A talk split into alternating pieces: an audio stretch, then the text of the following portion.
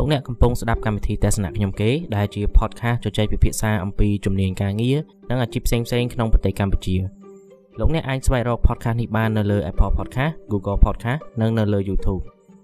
បើសិនជាមានចម្ងល់តាក់ទងជាមួយនឹងការងារផ្សេងៗឬការងារដែលលោកអ្នកកំពុងធ្វើលោកអ្នកអាចផ្ញើជាសំណួរចូលមកកាន់គេហទំព័រទស្សនៈខ្ញុំគេនៅលើ Facebook ហើយខ្ញុំនឹងរៀបចំជាចម្លើយជូននៅចុងសប្តាហ៍រៀងរាល់ថ្ងៃអាទិត្យបាទអញ្ចឹងដើម្បីកុំឲ្យខាត់ពេលយូរយើងចូលទៅកាន់អេពីសូតថ្ងៃនេះតែម្ដង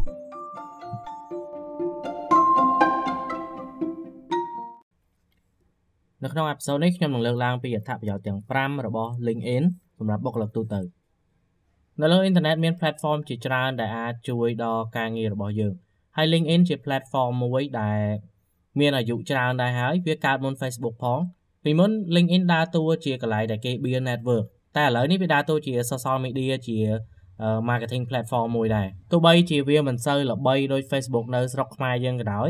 ប៉ុន្តែបើតាក់ទងជាមួយនឹងការងារ LinkedIn គឺជា platform ដែលយើងត្រូវតែមានមុខនៅលើនឹងដែរអញ្ចឹងអត្ថប្រយោជន៍ទី1របស់ LinkedIn គឺវាជា social media សម្រាប់អ្នកធ្វើការបើសិនជាយើងធ្លាប់ប្រើ Facebook យើងដឹងហើយថា social media មានប្រយោជន៍អីគេខ្លះវាអាចធ្វើឲ្យយើងរក្សាទំនាក់ទំនងជាមួយនឹងមិត្តភ័ក្តិរបស់យើង ហើយអាចស្គាល់មិត្តភ័ក្តិថ្មី LinkedIn ដូចគ្នា LinkedIn ជួយឲ្យយើងរក្សាទំនាក់ទំនងជាមួយនឹងអ្នករួមការងារជាមួយយើងហើយក៏អាចជួយឲ្យយើងស្គាល់អ្នករួមការងារថ្មីទៀតដែរអញ្ចឹងបើសិនជាយើងមាន profile នៅលើ Facebook ហើយយើងគួរតែគិតគូរថាគួរតែមាន profile នៅលើ LinkedIn ដែររបៀបប្រើគឺស្តៀងគ្នាទេដោយសារតែគេយកគំរូតាម social media ទាំងអស់អត្ថប្រយោជន៍ទី2របស់ LinkedIn គឺ job board job board នេះវាជាកន្លែងដែលយើងអាចស្វែងរកការងារបាន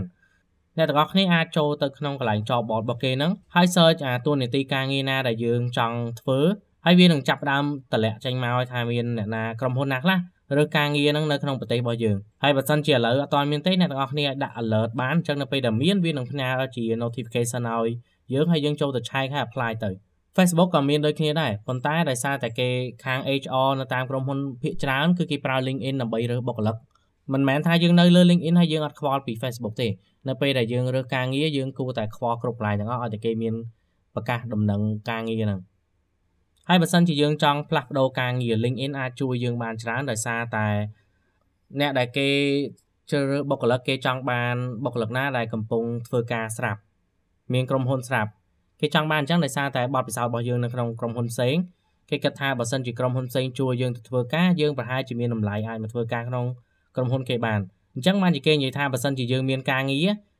យើងងាយស្រួលក្នុងការរកការងារមួយទៀតតែបើយើងអត់មានការងារធ្វើសោះពេលរកការងារធ្វើដឹងតែពិបាកហើយអត្ថប្រយោជន៍ទី3គឺវាជួយបង្កើត personal branding បុគ្គលិកដែលធ្វើការនៅក្នុងសម័យថ្មីទាមទារឲ្យយើងមាន branding ផ្ទាល់ខ្លួន branding នេះមិនមែនធ្វើដើម្បីយើងទារលុយគេថែមទេដើម្បីធ្វើងាយស្រួលក្នុងការរកការងារងាយស្រួលឲ្យគេទទួលស្គាល់យើងជាអ្នកជំនាញ យើងអាចទៅធ្វើការដោយបុគ្គលិករោងចក្របានទេថាអ្នកណាក៏អាចធ្វើការយើងបានយើងត្រូវធ្វើម៉េចឲ្យខ្លួនយើងលេចធ្លោជាងអ្នកដទៃជំនាញដូចគ្នាមែនតែបើសិនជាយើងចេះធ្វើ branding តែបន្តិចវាលេចធ្លោចេញមកហ្មងវាដូចតែ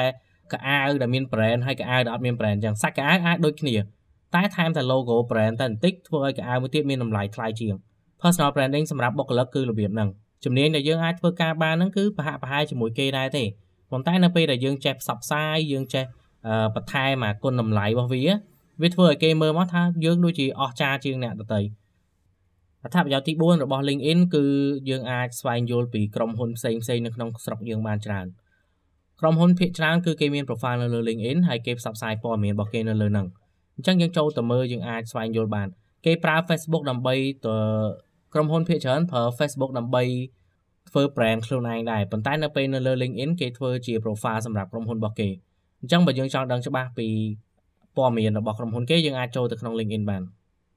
អត្ថប្រយោជន៍ទី5គឺ Industry New វាតាក់ទងជាមួយនឹងព័ត៌មានថ្មីថ្មីនៅក្នុងជំនាញរបស់យើងហ្នឹងនៅលើ LinkedIn មានច្រើនមែនតើបើសិនជាយើងធ្វើការក្នុងផ្នែក design យើងអាចចូលទៅ follow អា industry new របស់ design ហ្នឹងទៅបើយើងនៅក្នុងផ្នែក marketing យើងអាច follow វាបានហើយគេនឹងបោះ article បោះព័ត៌មានបោះតនន័យថ្មីថ្មីមកឲ្យយើង LinkedIn វាលើសពី platform សម្រាប់ social media អញ្ចឹងវាមានច្រើនយើងអាចរៀនពីគេបានច្រើនហើយយើងអាចស្គាល់អាពិភពការងារបានស៊ីជម្រៅជាងនៅលើ Facebook វាទូទៅទេអាហ្នឹងវាសម្រាប់មនុស្សទូទៅប៉ុន្តែ LinkedIn គឺសម្រាប់បុគ្គលិកអញ្ចឹងយើងគួរតែមាន profile នៅលើហ្នឹងហើយអាអាស្អីដែលល្អបំផុតគឺ LinkedIn មាន free version ហើយនិង premium version បើសិនជាអ្នកទាំងអស់គ្នាចង់រើសការងារបានលឿន ចង់ឲ្យឈ្មោះអ្នកទាំងអស់គ្នាលេចទៅលើ